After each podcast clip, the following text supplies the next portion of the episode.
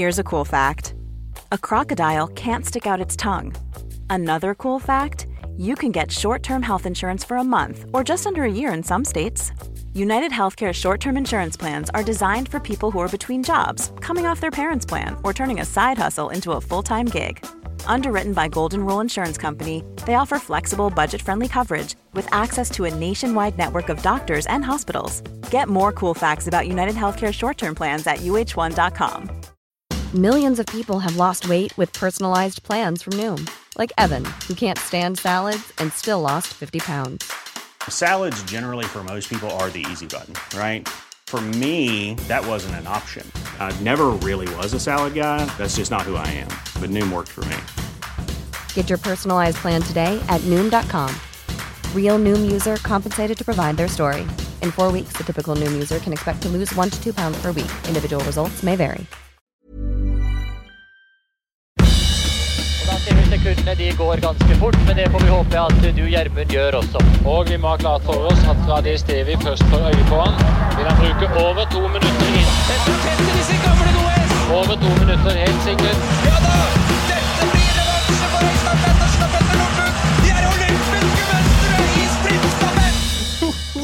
Men det, jeg må være ærlig og si at det, jeg syns det er deilig å se de der eh, fattige Eller de er sikkert ikke fattige, da, men de der eh, Jeg syns det er deilig å se deg sitte der med skjegget ditt ikke sant? og med de der brillene. Altså, du ser altså så så lærd ut. Ja, du ser så lærd ut med de brillene, og så vet jeg liksom at det er ikke bare at du ser lærd ut, men du bruker de brillene ikke for å se bedre, men bare for å sove bedre. Det, du er på et annet nivå enn meg og alle andre jeg kjenner, enn deg. Ja, dagens gjest. Du skal ikke kimse av at han er ganske fokusert på god søvn. Altså, så jeg tenker vi skal, du skal passe deg nå. Altså, Nei, men- helt ærlig, helt ærlig, jeg tror faktisk dagens gjest, altså dagens gjest, Tor Darsten Gjerdalen, Ja. eh, han er like gammel som meg, født i 1983. Jeg har gått på ski, ikke hele livet sammen med Tor, det har jeg ikke, men altså, jeg og Tor var på juniorlandslag sammen. Og etter det så har vi liksom har knapt stått på en startstrek uten at Tordis har stått i området. Og, og han er, og dette er en hedersbetegnelse, han er en nerd. Akkurat som deg! Bare at eh, du er nerd på uh, ditt felt, han er nerd på sitt felt. Men i og med at dere nå begynner å liksom en- Du drar deg inn i skiverden, så, så nå, nå nærmer dere hverandre. Dere kommer til å bli bestebuds. Ja, det blir spennende. Jeg gleder meg veldig til å prate med han. Men først så tenkte jeg, i dag så har vi fått et bidrag fra vår gode venn Noregarden som ikke vi kan se bort ifra. Jeg har lyst til å starte dagens episode med det. Er det greit? Altså, det er så fint. Kjør pod! Nok en World Cup-sesong er til ende. En sesong hvor jeg tror det kan hende. Ganske mange vil si at det aldri må bli en sesong like håpløs som denne. Alle ønsker vi snart for en sport hvor koronaen kommer til kort. Der vi alle igjen går på kamper og renn, og hvor publikum er pakket bort. Ja, altså, vet du hva? Den var veldig bra. Den var sånn, den syns jeg Den må vi spole tilbake og høre en gang til. Og så tenkte jeg Publikum, tenkte jeg først. Jeg, jeg, er litt, jeg har litt vondt for det, men den var fin. Ja, det var, jeg, jeg skjønte just, hva er det han babler om her nå. Nå har tar tørna for den. Slutten av sesongen. Han har mista, liksom. Men det var gøy. Det, papp, jeg skjønte det etter hvert. Det er jo selvfølgelig disse pappfigurene som vi har sett eh, gjennom hele sesongen. Eh, og sånn, eh, Han catcha den. Ja, jeg, jeg vil jo si at uh, Norgarden Motsatt formutvikling av Linn Svan. Det har du rett i. Og det, det sier Jeg vet ikke hvem du sier mest om, men det er, det er riktig. De er helt De, de er Ikke hva heter det? De, er eh, negativt korrelert, som eh, man sier. Det, alle skjønner hva jeg mener. De Alle følger skjønner hva du mener. med Linn Svan. Men, men Linn Svan, bra dame. Vet du, hun, hun vokser på meg. Jeg, jeg, jeg er i ferd med å bli Linn Svan-fan, jeg. Ja, vi- jeg føler vi har vært Linn Svan-fans lenge. Det er jo fortsatt en våt drøm, hvis det er lov å si det om en kvinnelig ung skiløper, å få henne med i podden. Så hvis det er noen der ute som hører på, som er venn, eh, venninne av eh, Linn Svan, eh, si at hun har en åpen, stående invitasjon til å være med i Skipodden, og det er få ting som ville gjort oss mer lykkelige. Og, og gjerne si det så mange ganger at hun til slutt takker ja. Det er liksom, det er krukset. Vi prøver helst å gå for indre motivasjon uh, i form av at de har lyst til å være her. Alternativet er sånn ytre motivert at 'jeg orker ikke mer mas'. Hva må til for å få slutt på dette maset? Hun må bli med.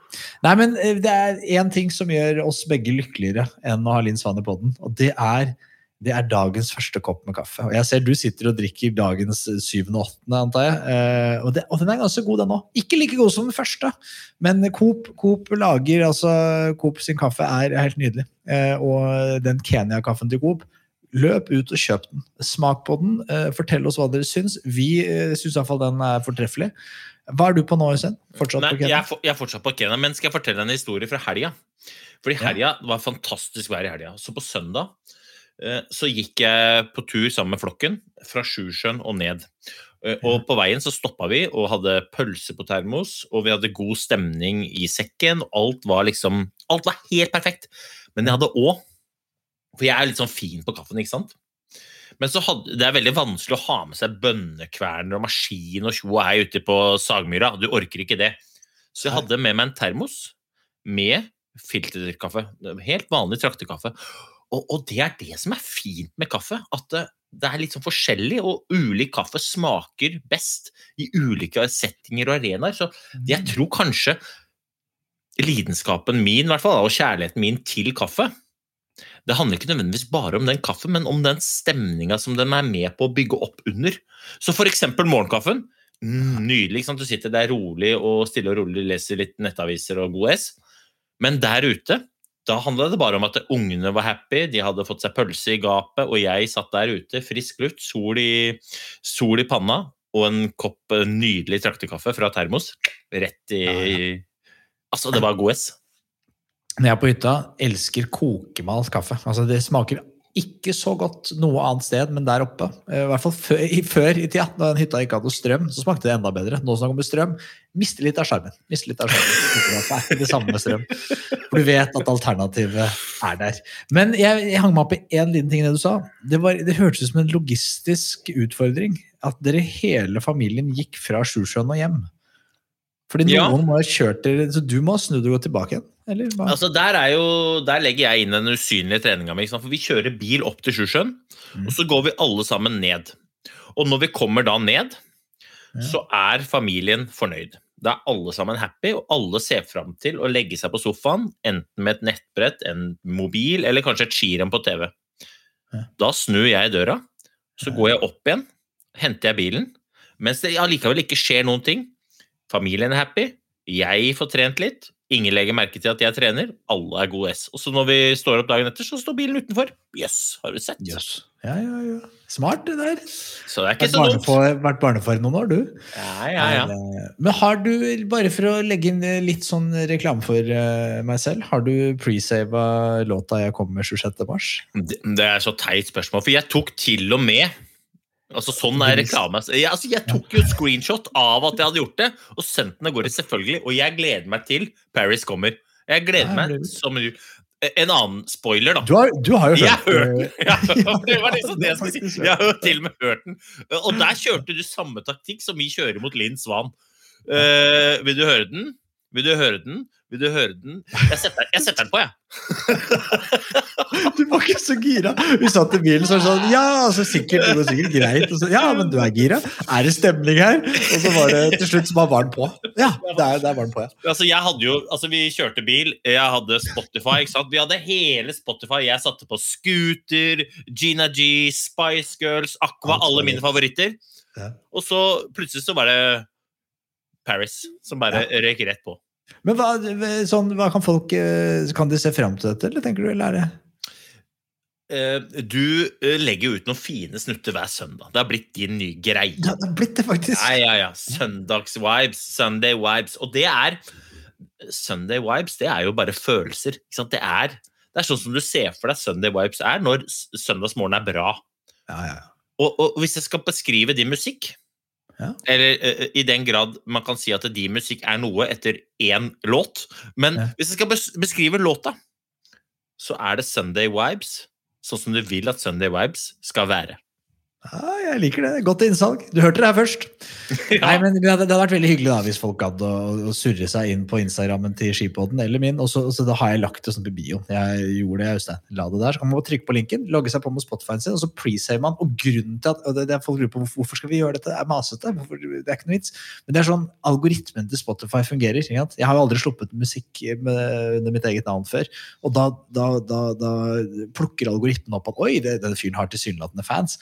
Så, og så er det bare løgn, selvfølgelig, fordi folk har ikke hørt det. De har ikke peiling. De bare gjør det fordi de er rause. Men Ja. det betyr litt for meg. da. Og så tenker jeg at Hvis folk liksom er lei av å høre dette, så er det bare én måte å bli kvitt å høre på dette på. Og det er altså det er, Dette er samme taktikk som vi kjører på Linn Svan. Altså, vi, du, det er bare å gå inn, presave, så slipper du å høre Hanso jazze om dette noe mer, for da er han happy.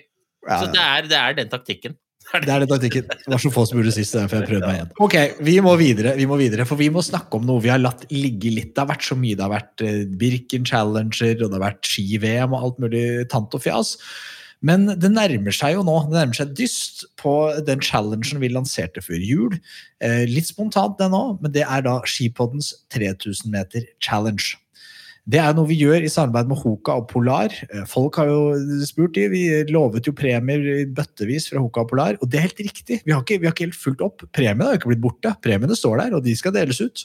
Eh, og det kommer vi veldig mye sterkere tilbake til fra og med neste uke. Da kommer det en eh, Da skal man da skal vi, skal, vi, må, vi må skru opp temperaturen litt på de greiene der. Hvordan går det med din løping, Øystein? Det er altså så god timing på spørsmålet. For hva, hva, hva tror jeg starta dagen med nå? Uh, etter å ha levert kidsa i henholdsvis barnehage og skole. Rett på mølla. Dunka 45-15. 10 minutter 45-15 ganger 3. For å begynne nå å tilvenne beina mine. Gå litt, fort- litt fortere enn 10 blankfart på 30 meter challenge. Så det går ganske bra. Hvordan går det med deg, kjære mann med, med bart og briller? Og frakk. Og, ja, nei, det, jeg, altså, jeg må innrømme at jeg så også det, Jon Arne sa også det at, at uh, lufta gikk litt ut av ballongen etter, uh, etter vi hadde Birken Challenge. For det var jo et veldig sånn tydelig mål. Vi jobba litt mot det. Uh, var god i siget, var veldig motivert. Og så når det var ferdig, så var det litt sånn Det var jo på en måte litt mitt OL. Det var litt mitt Vancouver-OL. ikke sant? Og da blir man litt sånn ah, Nå har jeg vunnet. Jeg har jo gått Birken på fire og en halv time. Hva har jeg igjen å bevise? Ja, men, men uh, eh, det her er jo det, her er, det du sier her, er jo veldig interessant. Da, og uh, Det her har jeg kjent på kroppen sjøl, og, og har lært veldig mye av de der folka som, ja, som vinner mye mer enn både du og jeg og de fleste jeg kjenner, har gjort. Fordi at det å nå et mål i seg selv, det er egentlig ganske demotiverende. Det å, så- det å så komme, ø- ø- denne uka her så har, løperne som har gått Vasaloppet, de snakker om en sånn Vasaloppsdepresjon. Og det er bare den derre Å, nå har vi gleda oss så mye til Vasan, og så gikk vi Vasan, og det var gøy. Men hva nå? Nå spiller det ikke noen rolle om jeg løper, staker, sykler eller hopper. Derre- For det er jo ikke selve målet som betyr noe, men det er det å være på vei noe sted. og Det, er sånn, det her er en floskel, og dere har hørt det før, men det er jo det momentet der som betyr noe. Jeg kan si med hånda på hjertet at jeg aldri har vært så umotivert som den dagen etter teamsprinten i Vancouver. Fordi at da hadde jeg plutselig ikke noe retning lenger. Da var jeg liksom i mål. God S. Øh. Hva, hva, hva hva, ja, hva nå? Og, og Ja, det, er her, det her mener jeg helt alvorlig. Og, og dette er jo liksom Jeg skulle gjerne visst hvordan Ola Einar Bjørndalen klarer å eh, redefinere og omstille seg så kjapt som man gjør. At det er jo det de som er gode over tid, klarer. Å hele tiden være på vei noe sted. Mens resten av oss, veldig mange av oss, kommer jo ikke på vei noe sted. Og de av oss som kommer på vei og når et mål, de stopper der og lurer på hva nå. Mens de aller, aller beste, de er hele tiden på vei. De er hele tiden nysgjerrige, de er hele tiden gira på å bli litt bedre, selv om de er per definisjon best i verden i det de holder på med. Nei, jeg er enig, vi må finne ut av, finne ut av det. Og, men eh, vi, eh, vi må komme oss opp på hesten. Vi har da et nytt mål. Siste uka i april så går det ned. Enten jeg vil eller ei. Da må jeg opp med Jeg har jo fått noen råraske sånne Hoka karbonsko. Eh, Og de er nok i raskeste laget for å bruke mange ganger i uka, har jeg skjønt. Eh, Men det, for det går unna med de. de, de man blir litt raskere av de. Så, så eh, man må være forsiktig, har jeg også skjønt, med de skoa. Eh, Ja, ja, men samtidig så Hoka er jo helt fantastiske joggesko. da. Eh, jeg, jeg bruker Hoka og har brukt det i mange år. eh, Og jeg har altså noen favoritter. Jeg kan nevne de. Hvis jeg skal løpe rolig langtur, og det er stort sett grus, da løper jeg i en sko som heter Clifton 6. En fantastisk mengdesko som er forholdsvis rask allikevel. Mm. Eh, hvis jeg skal løpe i terrenget, så løper jeg med en, en sko som heter Speedgoat 4. Helt fantastisk. Hvis jeg skal løpe fort, i den grad jeg løper fort, men så fort jeg kan, så løper jeg i Carbon X2. Ah, Ja. Helt supert. Og hvis jeg skal ha en litt sånn intervalløkt ute, da, og ikke vil løpe i karbonsko, ikke vil løpe i Clifton-skoa, så løper jeg noe som heter Rinken. De fire skoene der, Da har du dekka, da. ja, da er det bare å løpe. Nei, men eh, det, det, blir, det blir bra. Vi skal, få, vi skal snakke litt mer om det. Jeg, vi må komme, jeg må komme på hesten, merker jeg. Jeg er litt, litt av der. Og nå, jeg tror akillesen er ganske grei. Jeg, jeg merker det litt i akillesen fortsatt når jeg skal prøve å løpe fort. Eh, I den grad jeg løper fort, da. Eh, så, så merker jeg det. Eh, jeg, jeg løper, løper sånn trappeintervaller i trapp. Da måtte jeg bare løpe over to, og så ble det for vondt. Men, men du har jo en fordel, at nå blir det Det blir lettere å komme seg på hesten nå som varmen kommer. Ja, ja. Altså, det, nå, nå er vi går en fin tid i møte, både med tanke på løping, men også med tanke på ski. Altså ski, Mars-april, de fineste månedene å gå på ski. Ikke noe skirenn å stresse med. Godt vær. Hvis det er kaldt om natta, så er det fantastisk glid i starten av dagen. Altså, nå.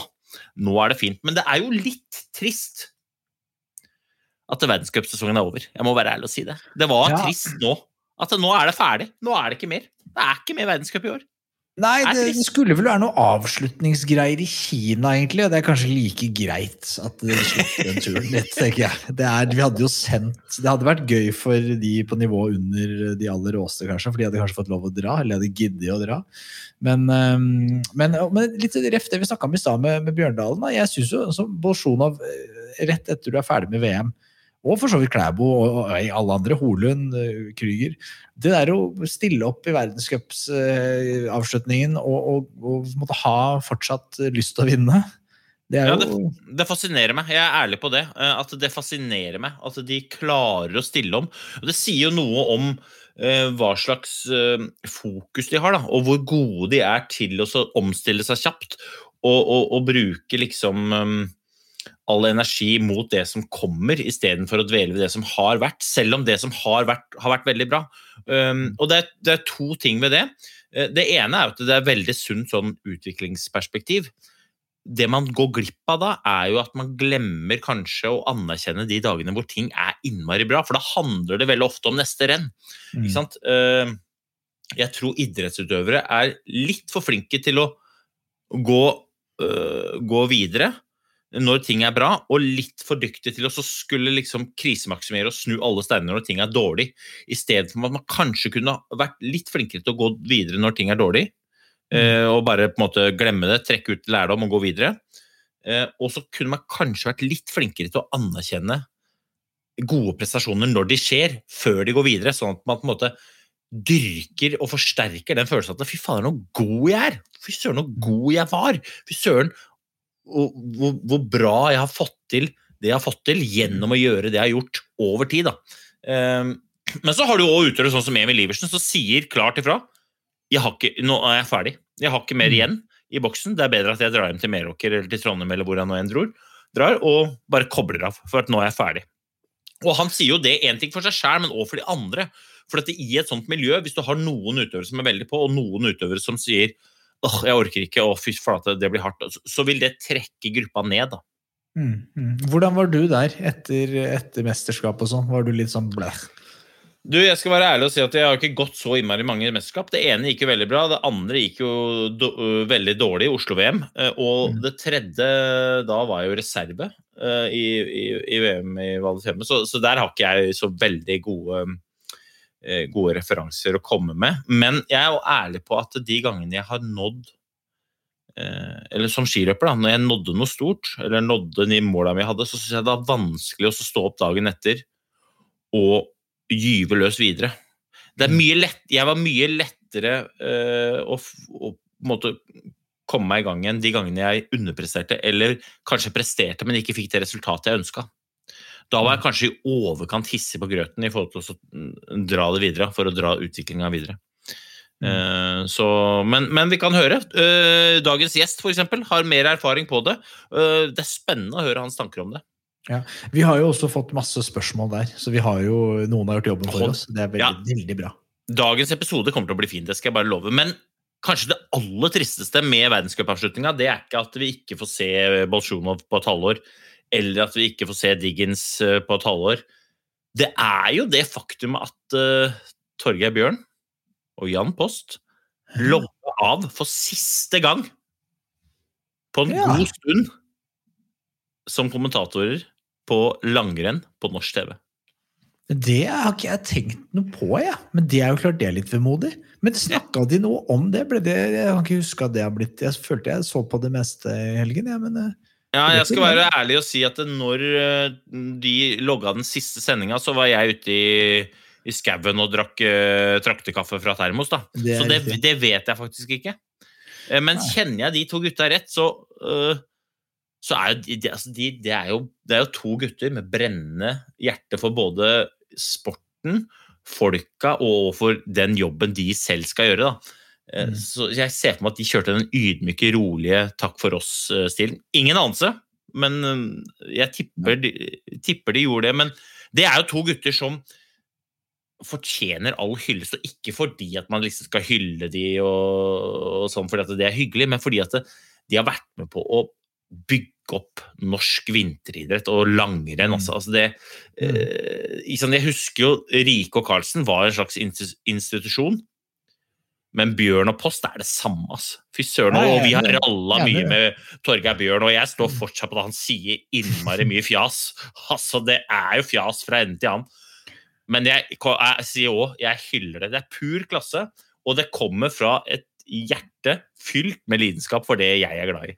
Ja, altså, det, hadde, det hadde aldri vært det samme. Jeg, jeg satt her jeg satt på YouTube og så så jeg på noe. Jeg tror det var noe, noe OL fra 2002. Jeg gjør rare nerdeting iblant. Og da, og da var det da de offisielle bildene som var fra OL selv. Og det er da uten kommentatorer. altså Det er bare med så litt sånn forsiktig publikumsøy. Det er, altså, det er så trått! Og da skjønner man bare hvor flinke de gutta er. da.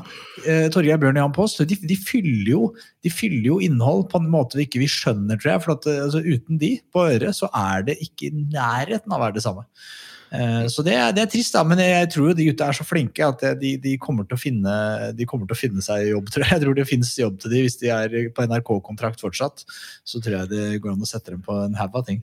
Ja, og så er det jo friidrett, da. ikke sant? Eh, Så vi blir ikke kvitt posteren Vi blir ikke kvitt posteren selv om vi hyller den nå. Det er, altså, det er ikke noe ikke så er han litt for ung til å bli med det. Jeg tenker Man må hylle folk når de er hylleverdige, si. Eh, og det er han jo. Ja, det, det. Men vi, er, det noe, er det noe lærdom å ta ut av det verdenscupavslutningshelgen der, ja. Johaug er ikke med. Det åpner jo ballet for at andre kan vinne. Det er jo litt interessant. Du, altså Det er mange ting som jeg syns var helt rått med, med helga. Vi kan godt ta jentene først. Uh, fordi at når Johaug ikke er med, så får jo andre muligheten til å skinne. Jeg syns det er kult å se fellesstarten, hvordan det blir gått. Jeg, synes, jeg må hylle Ebbe Andersson som tør å kline til og, og, og, og gjør store deler av løpet. Så det er gøy å se Heidi Weng med sjøltillit og med smil om munnen.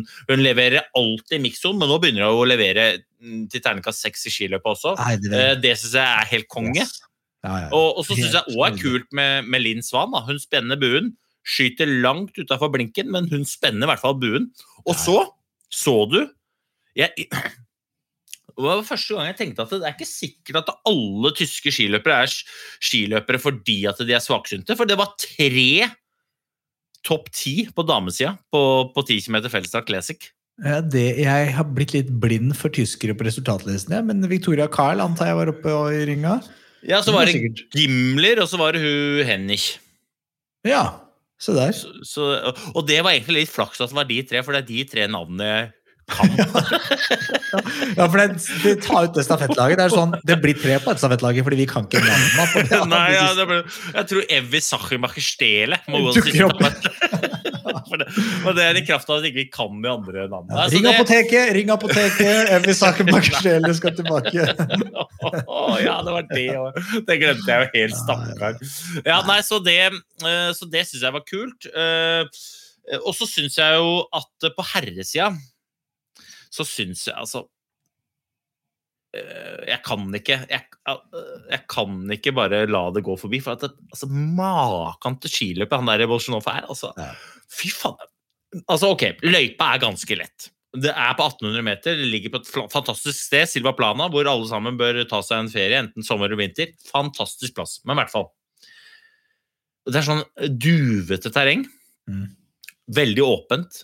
Ikke noe lett å gjemme seg vekk. Og så eh, går de med runder, og ut på runden så er det da en, en lang venstresving hvor det lønner seg å ha innespor.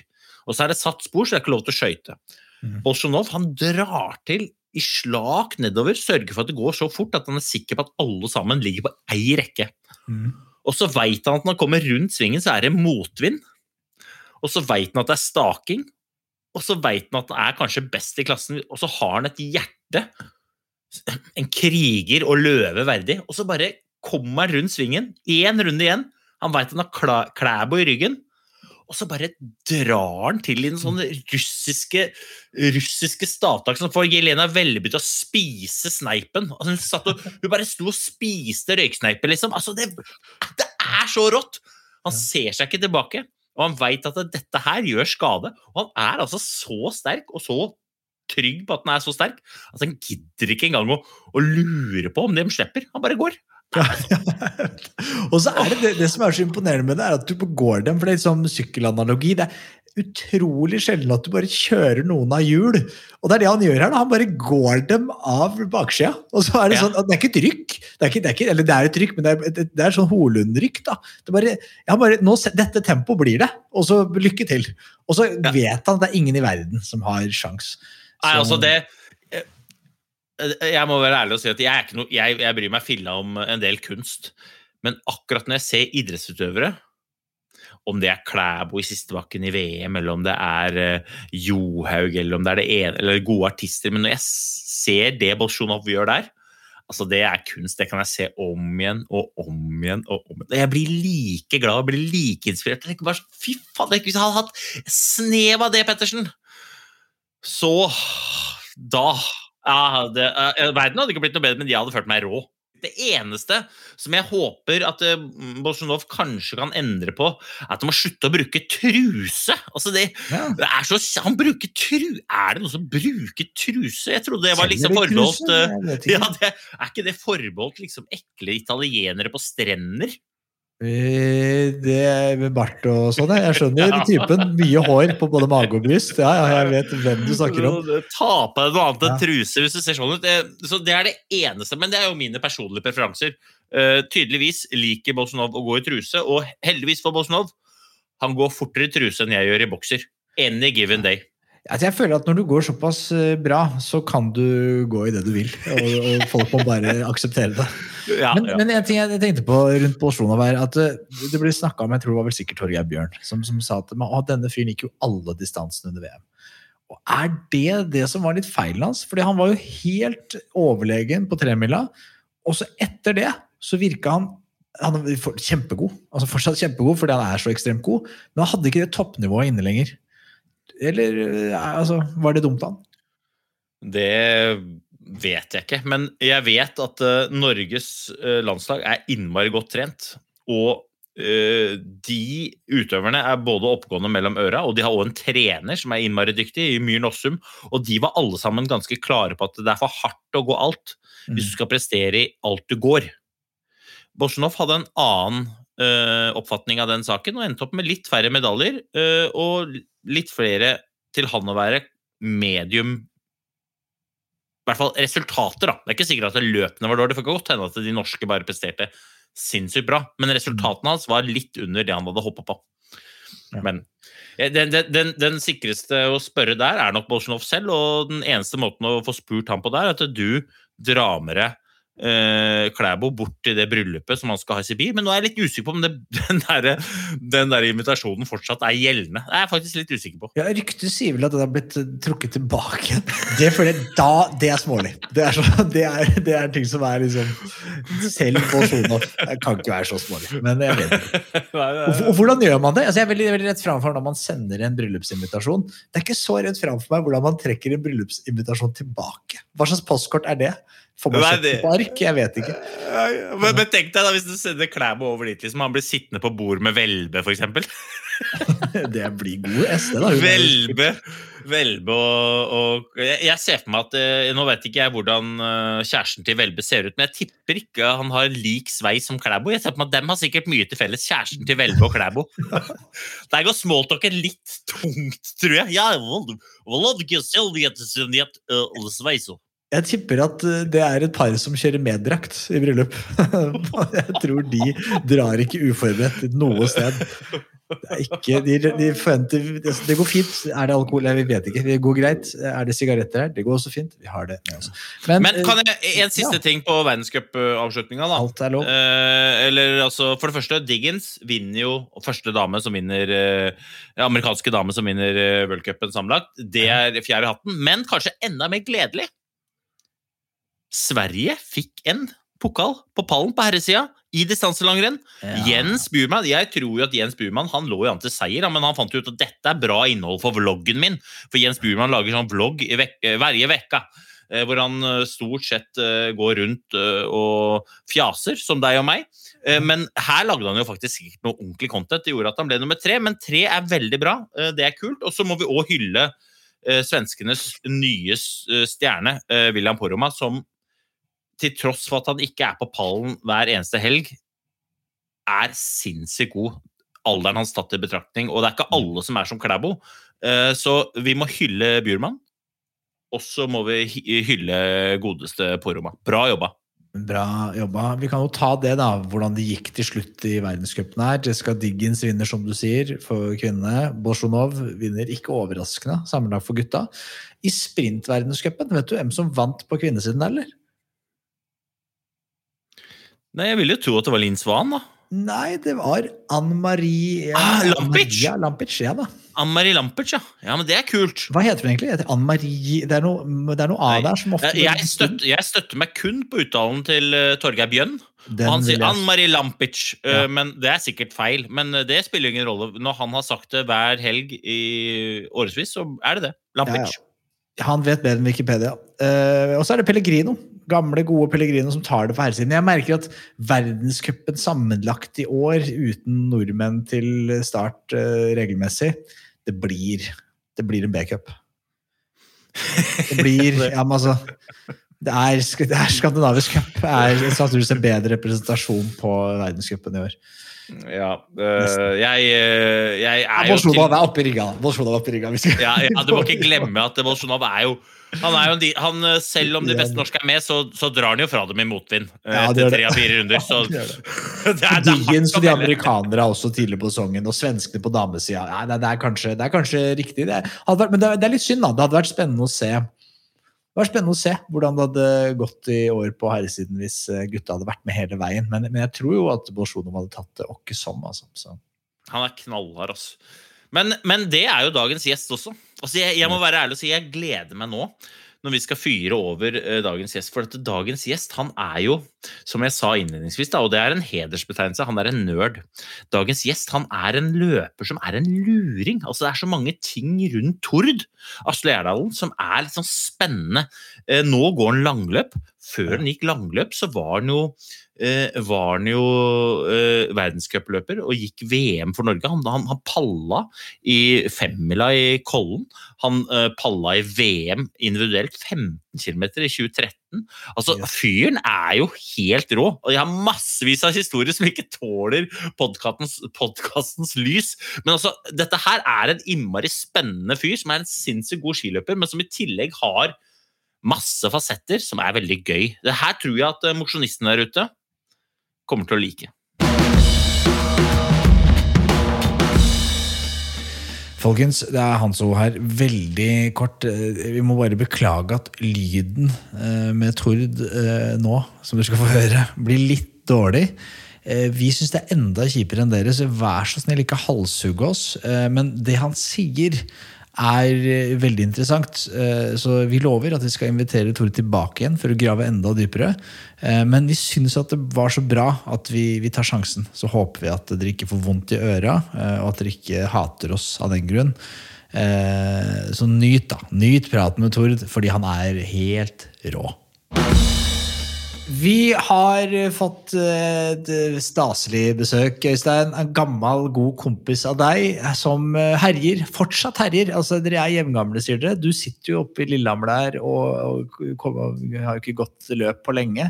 Men denne fyren, han vinner jo det meste som er, og han vant jo da Vasaloppet nå for et par uker siden. Eh, Det er stas å ha deg på besøk. Tord Asli Erdalen. Tusen takk. Det er hyggelig å bli invitert i denne podkasten òg. Det er en følgesvenn på treningstur, det. Ja, Det er bra, det er hyggelig. Vi, altså, vi har jo hatt lyst til å ha deg lenge, men vi ville bare vente til du bare, vi visste at du kom til å vinne Vasaloppet. Så jeg tenkte at det er ikke mer kult å ha han etter han har vunnet Vasaloppet. Så vi, vi, og heldigvis så gjorde du det, da. Så da, da kunne vi ha deg her. Men, men Tor, det er én ting som, som vi må, eller jeg lurer på med en gang. Og det er, vi, har, vi har gått ut på Instagram og så har vi sagt til folk at du skal komme på besøk.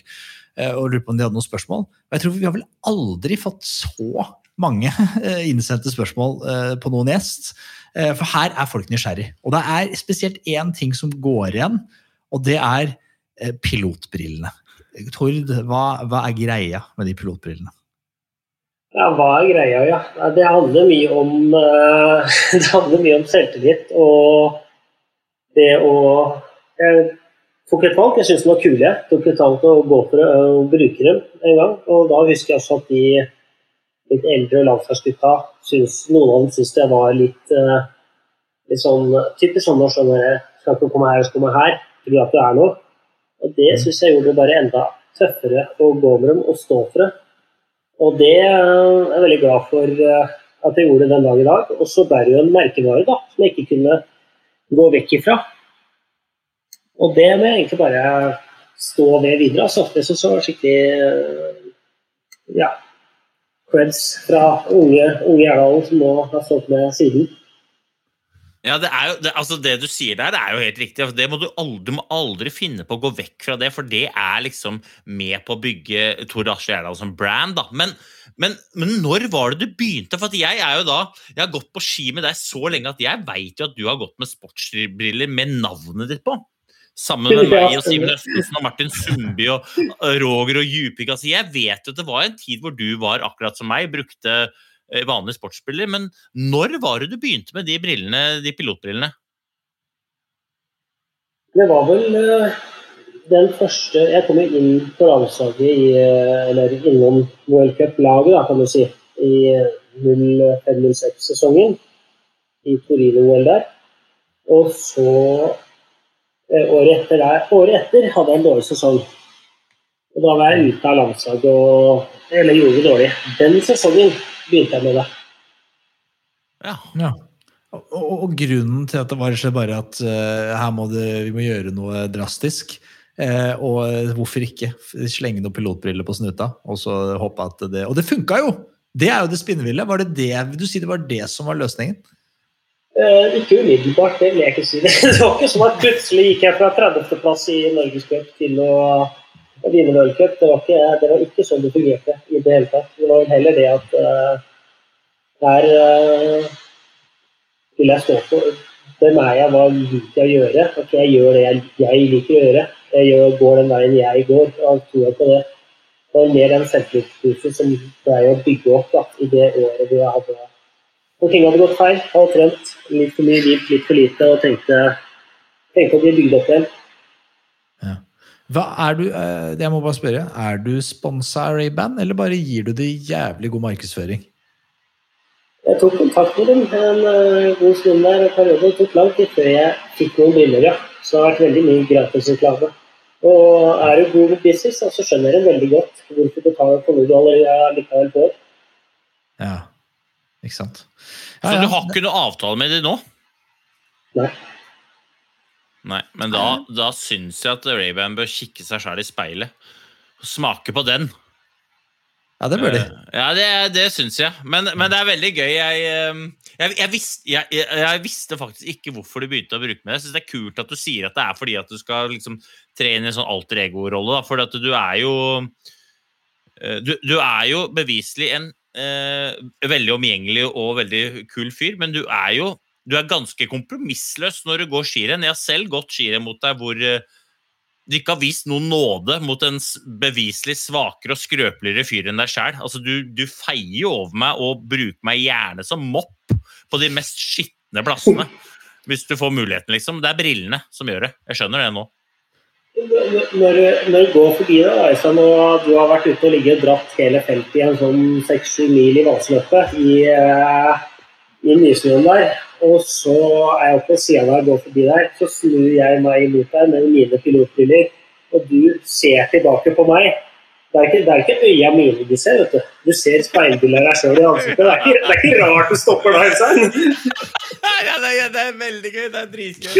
Ja, det er bra. Men eh, vi må bare Kan ikke jeg vi, Jeg hopper rett til vaseloppet, for jeg syns det er så gøy. Altså, eh, du vant vaseloppet. eh, dritkult. Men det som fascinerte meg mest med vaseloppet eh, og din seier der, det var jo måten du gikk rennet på. For, eh, og det her kan godt hende at det er helt feil, Tor, men sånn som jeg kjenner deg som skiløper, så er du veldig kalkulert, og du er veldig ehm, Ikke kynisk, fordi at det blir feil ord, men veldig eh, tro til den planen du har lagt i forhold til også, eh, hvordan du skal bruke krefter. Og veldig ofte i Vasaloppet så går du konservativt, sånn at du har nok krefter til å være med når det smeller. Men i år så gikk starten, og så var det du som dro opp farta. i Altså, var, du, du dunka til i første bakke.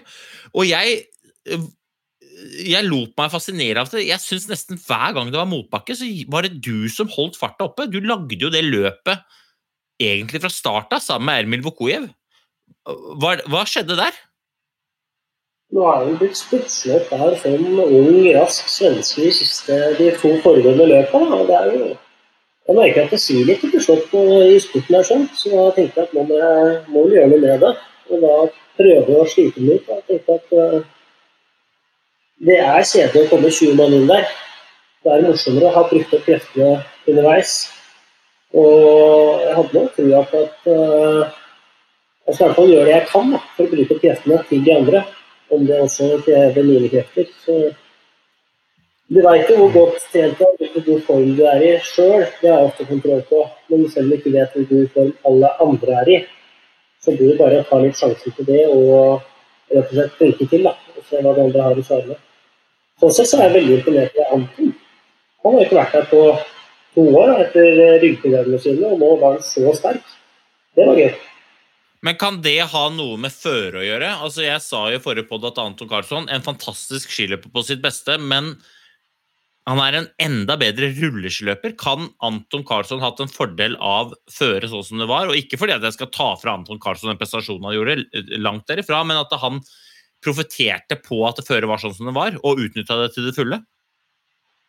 Ja, helt klart. Du må jo spille på dine fordeler. Samme som Petter Eliassen er jo klart best det er eh, frå, snø, kaldt og du virkelig kan dra deg fra på skia. Da kommer hans kapasitet til som aller best. Og like gjerne tilbake til Anton som går med som rulleski. Det er helt klart en fordel, men han har vært langt bedre før enn det han har vært de siste to åra. Så det at han kom tilbake og så hard profil der sånn, det var, det var imponerende. Han var skikkelig sterk der på slutten. Det, og han òg er jo rask. Så det var ikke så gøy å ha med han der. Vi var, var til slutt var tre igjen der og nærma seg mil inn mot uh, målstreken. Så husker jeg at de to gutta gikk med der, var, eh, de var raskere enn meg. Ja, for Hva var strategien der da på slutten? Altså, det, det var, jeg synes det var kjempespennende renn, for jeg visste ikke helt hvordan det kom til å gå. Altså, og det var liksom eh, En stund var det jo fire, og så, etter, eh, så gikk det litt, og så var det tre. for Vetle gikk litt næringstom der, men da var jo òg Ermil Vukojev helt på stålet. Og så fikk det liksom åtte meter på Anton Karlsson, og det holdt seg en stund. Det var en sånn slags sånn en stillingskrig der mellom eneren, toeren, treeren og delvis fireren. Hvordan, hvordan opplevdes det? Ja, det var Du kjenner jo til det når du trykker til sånn. og Du er ganske sliten, det skal jo innrømmes. Så akkurat når jeg da rykka til der da, og fikk litt luke Og oi, det blei visst luke. Og går og går, og ikke luka øker. Så det første tenker jeg var oi, shit. Rykka jeg for tidlig? Burde jeg ha spart på rykket? Burde jeg tatt litt seinere? Det er jo faktisk 80 km igjen, og det er jo det er en god halvtime. dette her. Så vi må ligge sånn her hvis vi skal holde det gående. Og Anton var seig, altså. Han holdt trøkket veldig bra der. Istedenfor å gjøre ett ordentlig lykke, komme opp på, opp i ryggen min eller dø, så bare ble vi gående der i jevn fart og gå det vi hadde, alle tre, tror jeg. Jeg jeg er litt nysgjerrig, Tor, for du har jo raska med deg eh, en haug av medaljer fra VM. Du har, du har, du har, gjort- og du har vunnet Marcialonga. År. Du, du vant jo hele tiden, følte jeg, en periode de, de siste. Eh, men også i Vasaloppet nå. Hvordan vil du rangere denne Vasaloppseieren relativt til alt det andre du har oppnådd? Eh, rett etter målgang, hvor jeg er veldig sliten, så jeg sitter jo følelsene også veldig rett på. Da var jo Vasaloppet veldig, veldig stort. Og det er veldig mange som har sett og grått på det. Ikke bare på resultatet, men eh, enda mer på måten det er gått på. Og det må jeg si meg enig i at det var en veldig kul måte da, å vinne og sette rekord. Det ble gått sånn. Men jeg må jo fortsatt innrømme at eh, VM i Oslo i 2011, det var jo større. Ja. Men. Vasaloppet opp mot Marcialonga, der eh, fordi denne her ble gått som det ble gått, da, med Mm. Vasaloppet, så syns jeg det var skikkelig kult. Så syns jeg er at flere ja. Det som er litt så gøy med VM-greia, da, VM 2011, er jo at det på en måte eh, Tord eh, eh, cruiser inn, ikke sant. Eh, Du tok jo gull på stafetten, og så var det jo bronse på femmila. Eh, men hvem andre er det som er i den gamet der? Og det er fortsatt de samme folka. Altså, Vulik Shanin var med. Hvem er det som tryner på vei inn mot Gratishaugen siste runde? Det er Petter Eliassen! Og så er det Tord som kommer og snapper det med brillene på, og da selvfølgelig lua av. Jeg sa før, før vi gikk på her at du kan se på Tord vet du, om det er alvor eller ikke. For hvis han har på seg lua, så har han ikke begynt å ta igjen noe. Når han tar av seg lua, da ser han seg aldri tilbake. Og hvis han snur seg, så har jeg nå lært at da ser du deg sjæl sliten rett før du slipper. Eh, Så, men er, jeg syns det er innmari gøy, da. Men hvis du skulle valgt, uh, Tord eh, Valgt liksom eh, Om du skulle nå fått velge neste år, skal du gå Vasaloppet eh, og langløp, eller du kan gå VM eller OL? Hva hadde du valgt da? Jeg føler egentlig at uh, hvis jeg hadde hatt noe som helst i OL å gjøre, så hadde det vært gøy å prøve det igjen og, og lykkes der. Og truffet med både ski og form. Men bortsett fra OL, da, og da må det egentlig være femmila, så syns jeg at det er så gøy å gå disse lange løpa at uh, hvis man skal så er det så mye bedre. For da er jo lange løp ti ganger i løpet av sesongen, da, mens uh, en femmil som passer meg tremil, og særlig femmil som passer meg enda bedre. Ja, du må være heldig da, for å lykkes. Du må bli tatt ut på en 15 km individuellstart for å få til å gå en femmil fellesstart i et mesterskap. Så Det syns jeg er litt synd med worldcup langrenn og og VM. At du får ikke trent på det. Så du, liksom, du gjør noe Du går nesten dobbelt så langt som ditt nest lengste renn i VM der. Og så er det kanskje den gjeveste distansen. Det er litt sånn rart oppbygd, den uh, worldcup-satsinga, da, eller eh, planen. Ja. Ja, er det det egentlig? Det ikke? For det her er jo underholdning, ikke sant? Så det er vel det det bunner i. eh, Og det er begrensa hvor mange runder, altså TV-tider og reklamepenger og, så videre. Men, eh, men eh, Og jeg, jeg, vi har snakket, vi kan ikke gå inn på det nå, men jeg syns jo jeg synes jo at hvis man skier classics For det er jo, øh, jeg er jo enig med deg, nå gikk jo vi Birken her, og det, som, som løp og som løype og som opplevelse, så er det jo mye råere enn å, enn å gå rundt inn i Holmenkollen-anlegget der. Det er jo for meg døden. altså Makan så kjedelig og så tungt det er for, for en mosjonist som meg. Eh, mens det å gå Birken eller gå Nå har ikke jeg gått noen andre løyper, da, men det, det er jo helt nydelig. Men som et TV-produkt så har de litt å gå på. Ass. Eh, Og jeg tror det er mulig å løse, for hvis du ser på hva, hva disse hva ASO og disse sykkelarrangørene vet ikke om det er de som, det er de som lager TV-sendingen nå, hva de klarer å produsere, så er det på et helt annet nivå da, hva de får til eh, i Ski Classics. Ja, men samtidig skal jeg arrestere deg, for at det nå i helga var det langløp i verdenscupen. Det, det var jo det. Det var Engadin. Og der var det mye tjafs på filminga. Altså, det var en scooter, han halvveis kjørte ned en del av damene. Og, og de skulle liksom filme når de, uh, en del av løypa går da gjennom skauen mellom St. Moritz og Pontresina. Ned der er det en ganske heftig, lang, uh, bratt bakke med litt trær midt i løypa. Og der prøvde de da det kunststykket å filme live når Permakosko skulle altså, eh, det er ikke bare Ski Classics som er dårlig til å filme med scooter. Altså. Eh, er ikke noe bedre der. Jeg er helt enig med Hans at eh, med noen enkle grep så kunne man ha gjort de sendingene mer interessante, mer spennende. Jeg synes det er ofte en litt tendens til å scooteren følger den personen som ligger i tet hele tiden.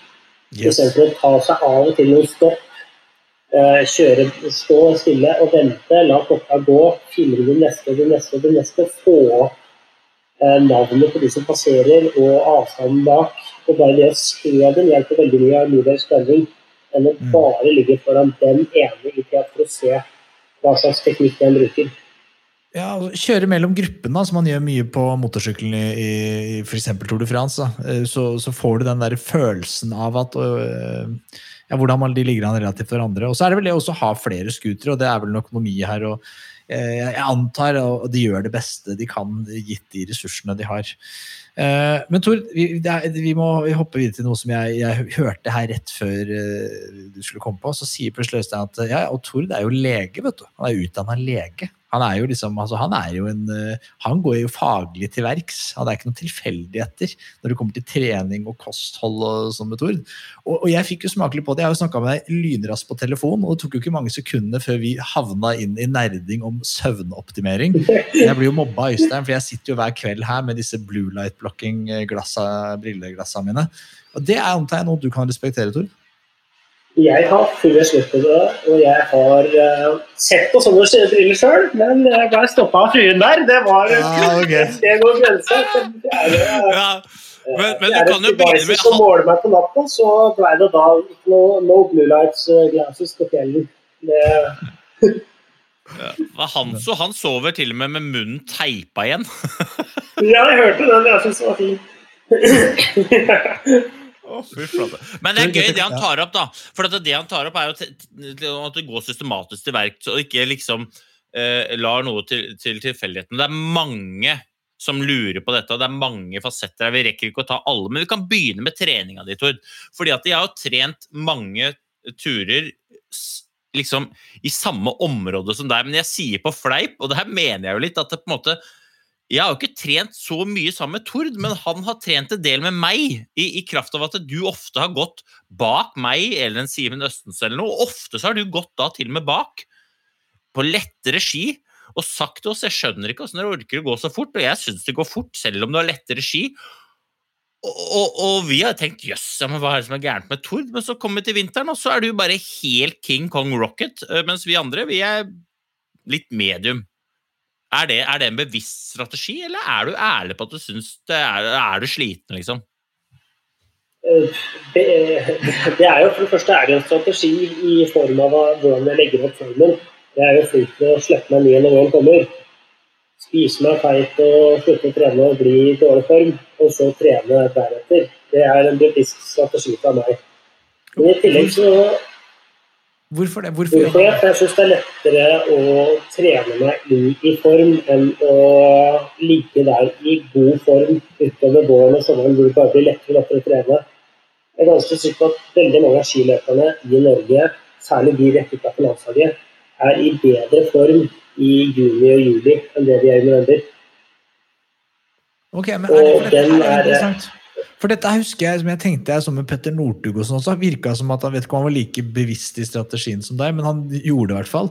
Eh, at han, eller er Mitt inntrykk sett helt utenfra. At han eh, Nå er det sommer, da skal jeg spise burgers og trene lite. Og jeg driter i altså Når Øystein Pettersen knuser alle på rulleski hver eneste sommerferie i Sandnes, så sier han lykke til, Øystein. Snakkes, snakkes i november. Og så kommer november, og da er det goodbye, Øystein Pettersen, eh, ofte. Jeg tror jo at eh, du ganske fort bygger deg opp til det talentet du har. vært i over tid bygger deg litt og litt gradvis opp litt bedre. Men det å treffe med toppformen, det å være i form du skal være i form, det er viktigere enn å tro da, at et tre kan vokse til himmelen. Det er veldig ofte et tre vokser til himmelen og slutter på veien. Og det syns jeg det det, er, det er de gangene jeg har vært på en måte feiltrent eller overtrent de tre gangene det har skjedd, da, så er det av den grunn at jeg har trodd treet skal vokse til himmelen. Begynt for tidlig, kjøpe for mye for tidlig. Uh, to ting. Det ene er at det du sier nå, det ser vi jo med Emil Iversen. Altså, Emil Iversen blir jo gått fra alt og alle. Og står og sier det går helt fint, det er viktig å gå fort i vinteren. Alle tenker, sånn- I hvert fall jeg tenker sånn er du helt, fader, Det er tøft å si når du går, er så langt bak nå. Nå er det jo Sandnes, og du burde jo vært lenger oppi. Fyren kom jo på pallen i VM-femmila og vinner jo gull fordi at de to andre der eh, surrer til. Men eh, det er jo det ene. Det andre, Tor, det er jo eh, eh, Hvis du skulle tenkt liksom mosjonistene hva er det du ser på som den største feilen, eller vanligste feilen som mosjonister gjør? Er det at de er for hissige på grøten? Eh, Når jeg kommer tilbake til mosjonister, så tror jeg det er eh, Der må du litt trene det du har tid og muligheten til. Og da er det ikke sånn å legge opp formen på samme måte som toppløperne gjør. Det blir en helt annen måte. Det du derimot kan eh, si eller gjøre med som mosjonister, tenker jeg, er at eh, de er veldig ofte jevn fart. Du går liksom alt skal ut og trene, du skal bli svett og sliten. Der tror jeg den bommer. Jeg tror vi må heller leike mer, da. Lære mer av Finn Åge Krogh. Spurte på alle 60-skilt. Vinne kommunegrenser. Gå rolig imellom. Da tror jeg de kunne fått utnytta teknikken sin og mulighetene sine bedre. da. Men, så, så, øh, men altså, som øh, disse mosjonistene sånne som meg, da, kanskje ikke jeg, det finnes jo langt hardere, veldig mange langt hardere mosjonister enn meg der ute, eh, men som skal gå raskest mulig i Birken, eh, og som er sånn, de, de ligger sånn og snuser på tre timer, liksom. Hva, hva det, så de trener mye. Hva er det de liksom brenner seg på? Jeg treninga blir for jevn. og skal liksom, Du skal ut og gå økta. Den skal gå helst litt fortere enn disken hver eneste gang. Da bommer du istedenfor å dele det i tre.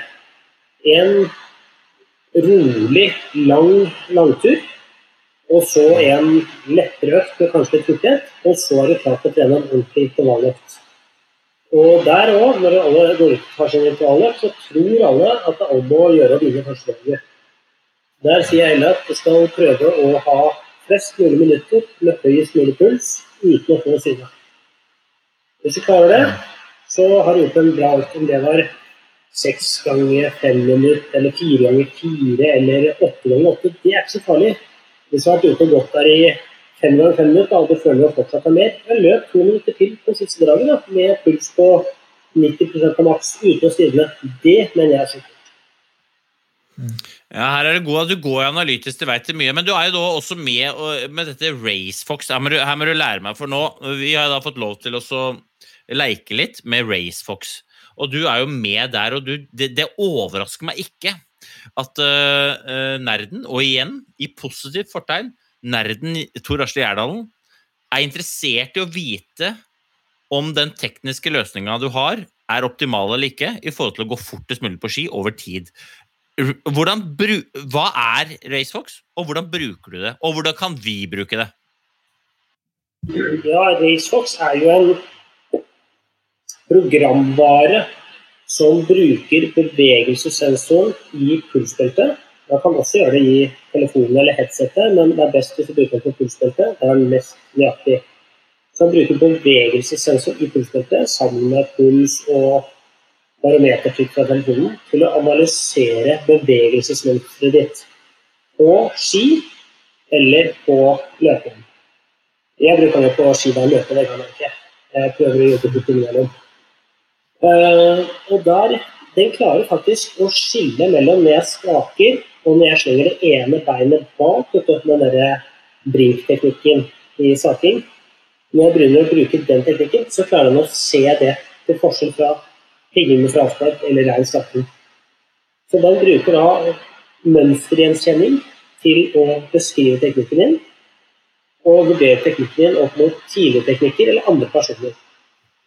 Og jeg er ganske så sikker på at sånn som for deg, da, altså ikke for deg selv, men for deg, da, Hansen, og andre eh, viderekommere på ski, Vi har masse å lære i å følge de guided exercisene som den kan by på. For da kan du gå ut på hvilken som helst tur når du har muligheten, og ha med da en teknikktrener som kan gi deg tilbakemelding på om du gjennomfører det du ønsker å gjøre.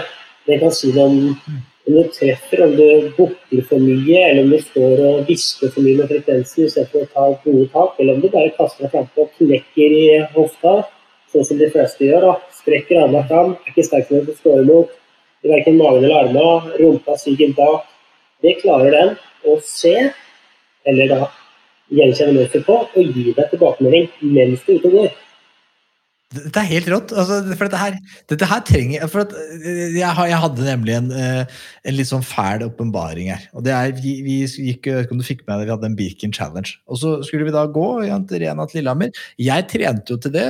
Og så, og så, så, så desillusjonert er jeg at jeg har tenkt sånn, sånn Jeg er ganske sterk i overkroppen relativt til meg selv. Altså, det vil si, jeg er nok ikke sterk i overkroppen relativt til andre folk, men til min egen kropp så tror jeg er sterkere i overkroppen enn jeg er i beina. Så jeg tenker sånn, Staking og dobbelttak med fraspark, der er jeg i mitt element. Der, der er jeg i dytten. Ja.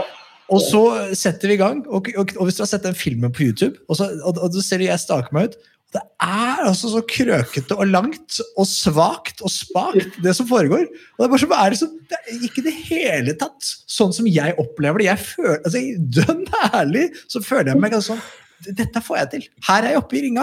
Og så ser jeg på de greiene hva er det for et sted, mann? En gutt med skjegg som er ute og hvisker seg i det der. Det er helt forferdelig pinlig.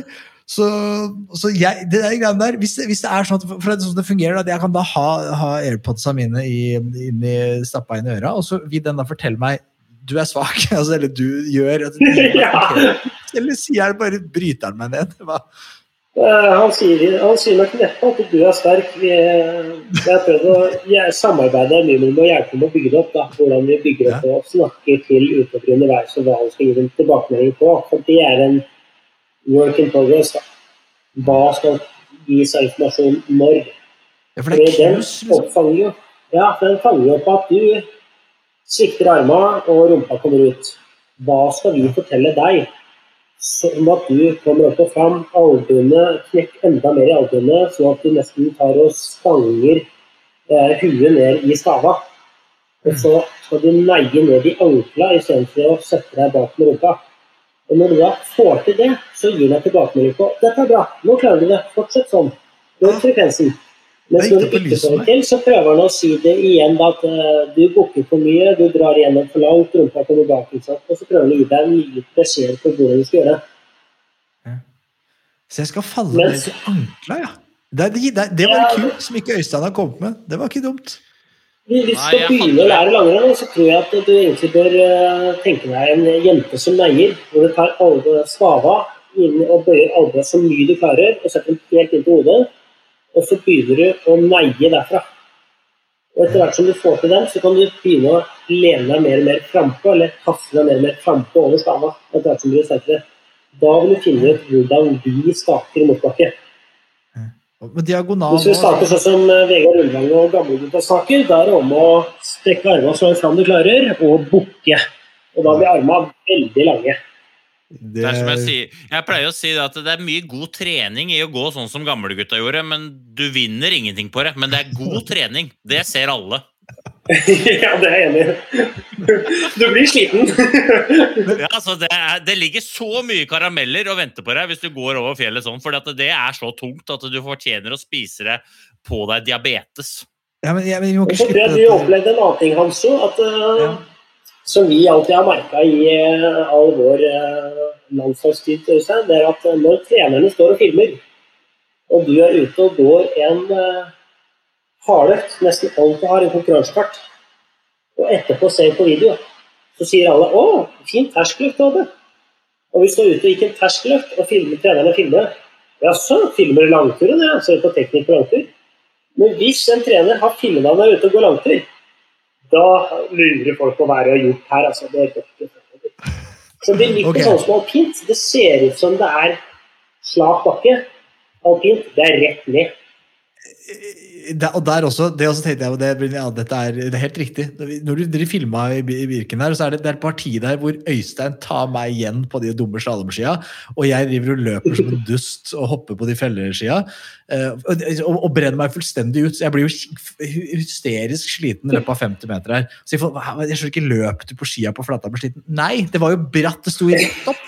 Det var jo 45 grader minst. Det syns jo ikke på den filmen. Det vil ikke se ut som vi går på flata, at vi løper der. Så jeg, og, det skjønner jeg også godt i Holmenkollen-anlegget òg. For når du ser på TV, tenker du at Holmenkollen, er det, er det så fint? Det jeg kan jo bare spasere der, det går helt fint. Få på noen skøyteski, skal jeg få kroka meg opp. Det, jeg kan ikke skøyte der. Det går ikke. Ja, for det er, det er bare alt, Enten er det for bratt opp, eller så er det for bratt ned. Og jeg får ikke til noen deler.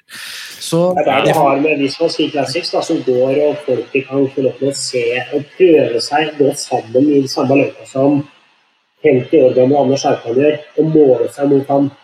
Eh, Ja. Du kan gå liksom en runde i Holmenkollen, men du har ikke peiling på fort hvor fort Sundby eller Klæbo går i de løypene. Det er så sykt at det er eh, inspirerende motiverende, men du får ikke sammenheng med det. Da er det liksom litt mer å gå der mot eh, Anders Haukan, da, 50 år gamle Haukan skal ut og gå der. Der kan du i hvert fall sammenligne, du kan gå i samme løyper. Eller så kan du gå mot Øystein, som da går på slalåmski, mens du går på felleski. og taper med halvannen time. Så du kan jo få testa deg andre steder òg, tenker jeg. Men, men, men, men før, vi, før vi Eller eh, vi hopper masse. Det er en del av denne podkastens greie. Det er å hoppe litt. Men for det er en annen ting som jeg fikk kjempekjeft for, og det var at jeg sa en gang i en podkastepisode at Vasaloppet er jo helt flatt. Eh, og det har jeg altså fått så mye hate. Folk sier sånn at du våger, du har aldri gått Vasaloppet. Det er ikke flatt i det hele tatt. og Du må bare møte opp i mora, så skal du få gjennomgå. Er det, er, hvordan, vil du si, er Vasaloppet flatt, eller er det ikke flatt? For å høre fra han som har rett til å uttale seg. Ja, men jeg, er jo jeg er jo helt enig med deg. Hvis du har fått høre at det er flatt, så er det masse motbakker. Og hvis du tror det er motbakker, så er det helt flatt. Det er ikke annet enn myrer du går på. Så det er litt med hvilke forventninger du kommer dit når du går, da. Ja. Men før vi slipper RaceFox helt, så er det altså RaceFox det er da en, en app som, som eh, jeg har lasta den her nettopp det på, på min iPhone. Den fins helt sikkert på Google Play og for de som har Android-telefoner. Og det er vel to apper. Det er en RaceFox ski, en RaceFox løp. Eh, og så kan man da enten kjøpe RaceFox har vel et eget sånt eh, RaceFox standardbelte, smartbelte. Eh, eller så kan man bruke sånn som eh, jeg og Øystein, da, som har polarklokker og Polar H10-belter. Så er vel de, som jeg har forstått det, de også er kompatible med RaceFox. Ja, altså De fungerer like bra, så det er ikke noe utstyr på den andre. Så kan du egentlig ha et Polar som H10 eller vel belte, og så er det bare å laste ned appen og prøve den 10 km konkurransen ute i gården, og så får du en liten, en liten forsmak da, på hva det er de har å tilby. For da får du tilbakemeldinger hvert som du går, og så ser du hvor du kommer inn i, inn i lista på den. da. Så det er gøy. Det er Eh, Det siste jeg kan si litt om den, er at RaceFox eller alle serier, sånn som du også vet, alle serier søvnmodellene du bruker, de er jo ingen av de verktøyene er bedre enn personen som bruker verktøyet. Så en eh, device kan hjelpe deg med noe. Sånn som vi sitter her nå på podkasten og prøver å få fram et eh, bilde for å se hverandre. Det hjelper ikke. du. Jeg får ikke opp det bildet. Så den Mac-en har jo både kamera og det meste av det andre. Det er bare at jeg ikke får til. Så du må bruke det verktøyet så godt du kan. Og så er det med til å gjøre deg bedre. Men det klarer ikke å løse ting for deg. Du må bruke det til å bli bedre. Mm. Nei, men jeg for min del, altså, Det høres i hvert fall veldig inspirerende ut. eh, For jeg tror eh, det å ha noen på øret som eh, I hvert fall få noen cues. da Jeg må jo stort sett gå ski alene, eventuelt med madammen. Og hun er fra India, så det på en måte sier litt om hennes ski- skiferdigheter. Ikke noe mot noen, men det er bare de er ikke store. De er gode, bedre på prute enn de er på å gå på ski. Men vi Jeg kommer til å bli kasta ut. Ja, ja, men det er. Kan jeg stille et spørsmål, Tord, rundt um, Vasaloppet? Et siste spørsmål om Vasaloppet.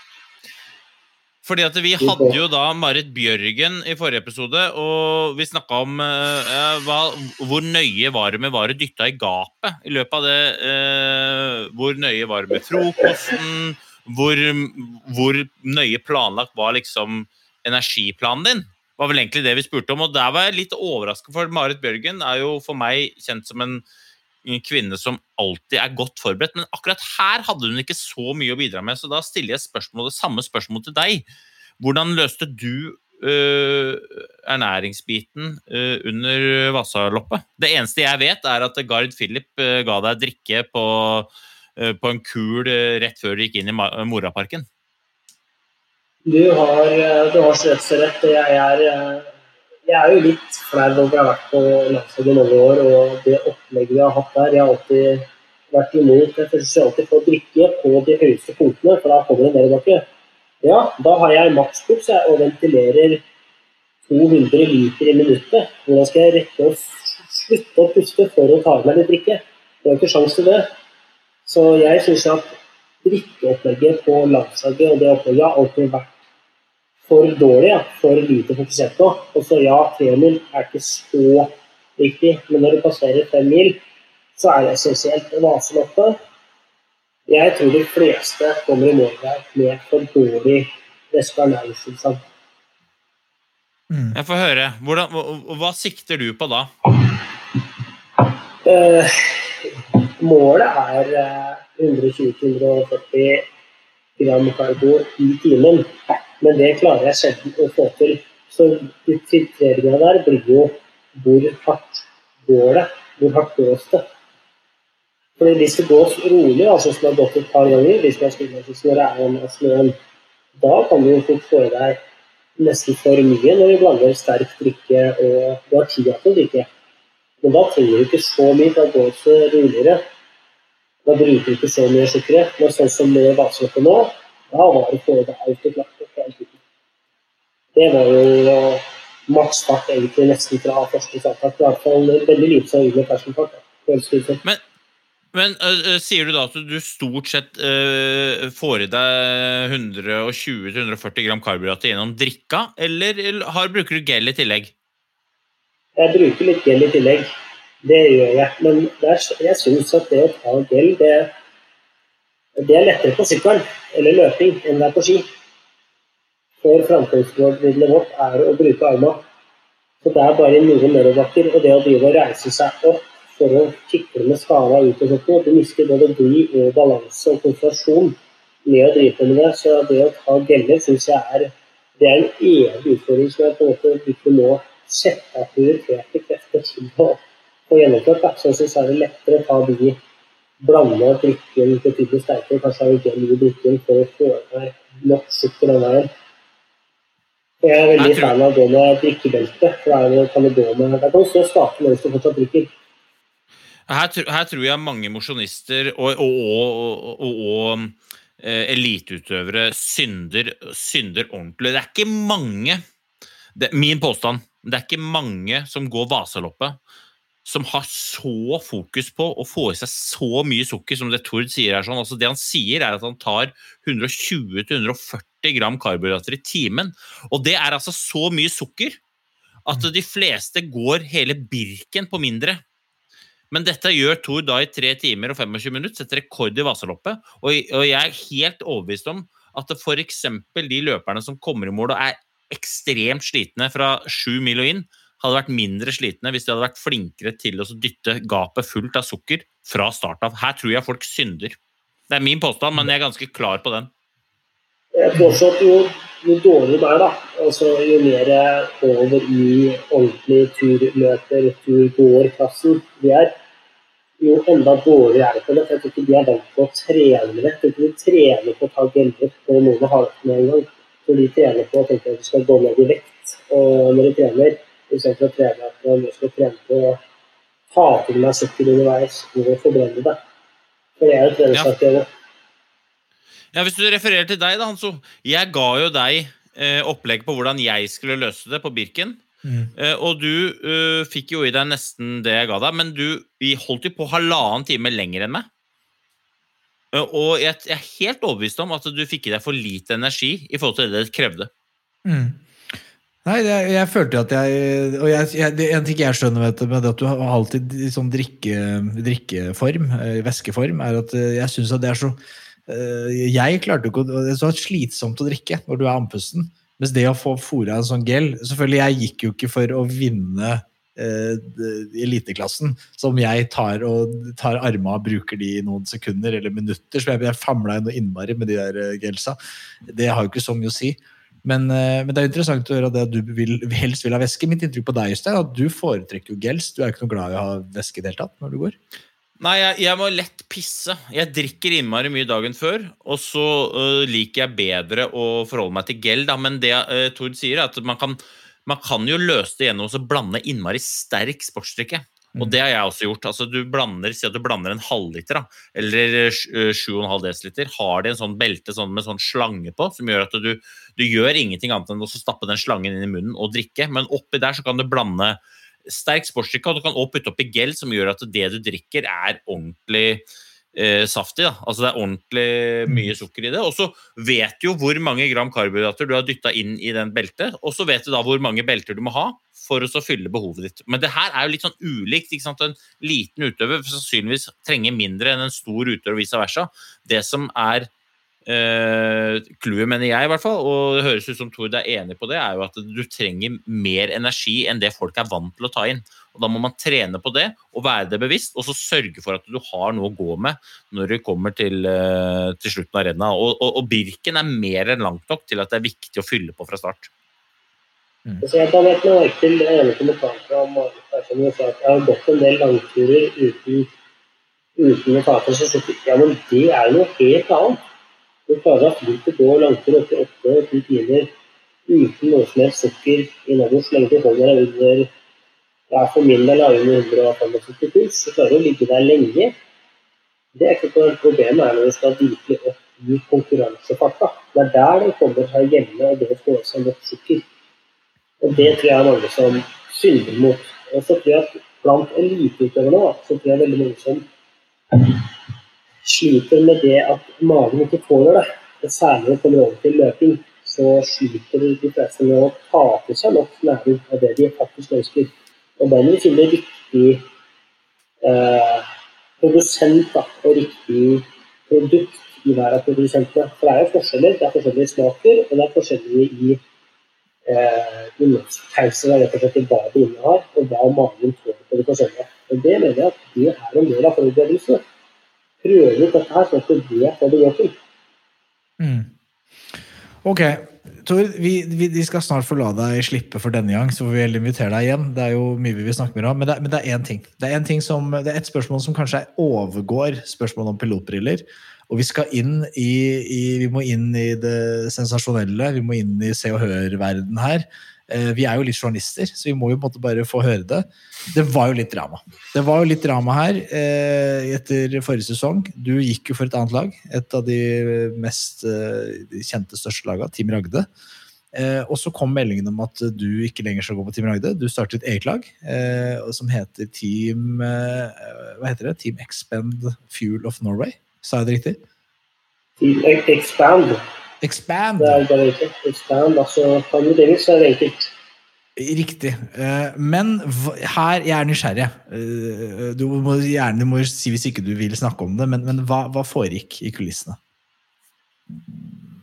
Eh, det, hva som foregikk i kulissene, det vet jo ikke jeg, da. Men jeg kan jo tenke meg litt hva som, hva som skjedde. For det gikk jo fra at vi hadde jenter på laget som fungerte eh, bra, interesserte, eller de var gira og kule, til at de plutselig ikke hadde hjelp lenger og måtte jakte nye damer.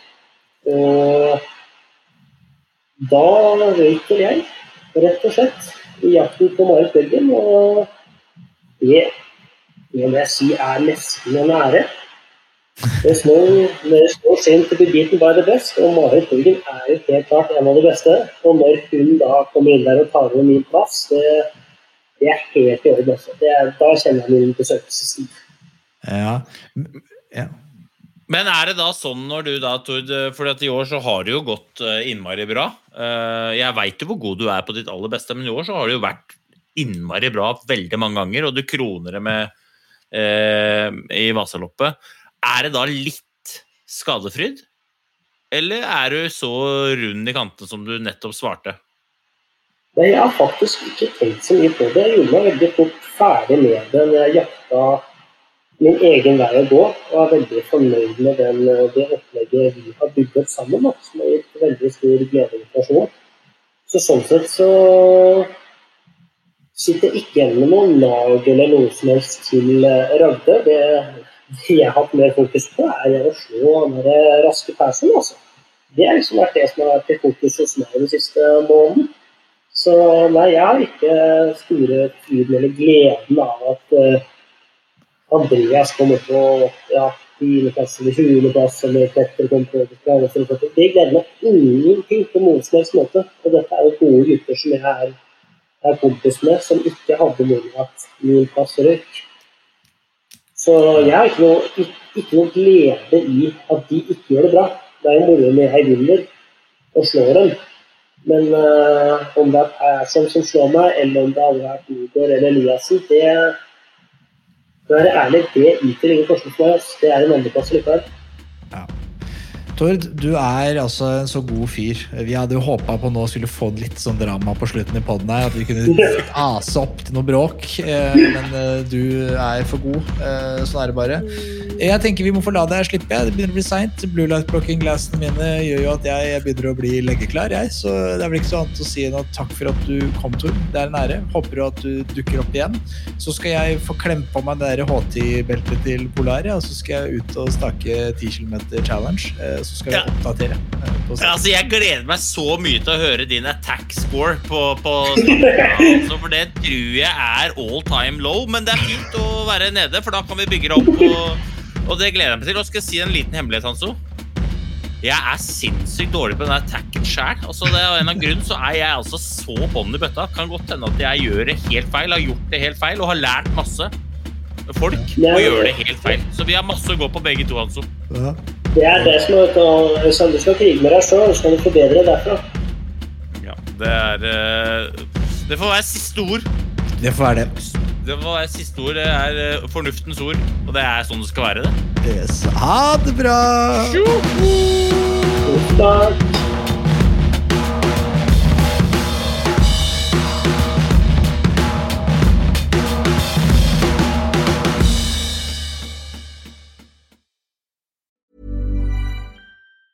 Planning for your next trip?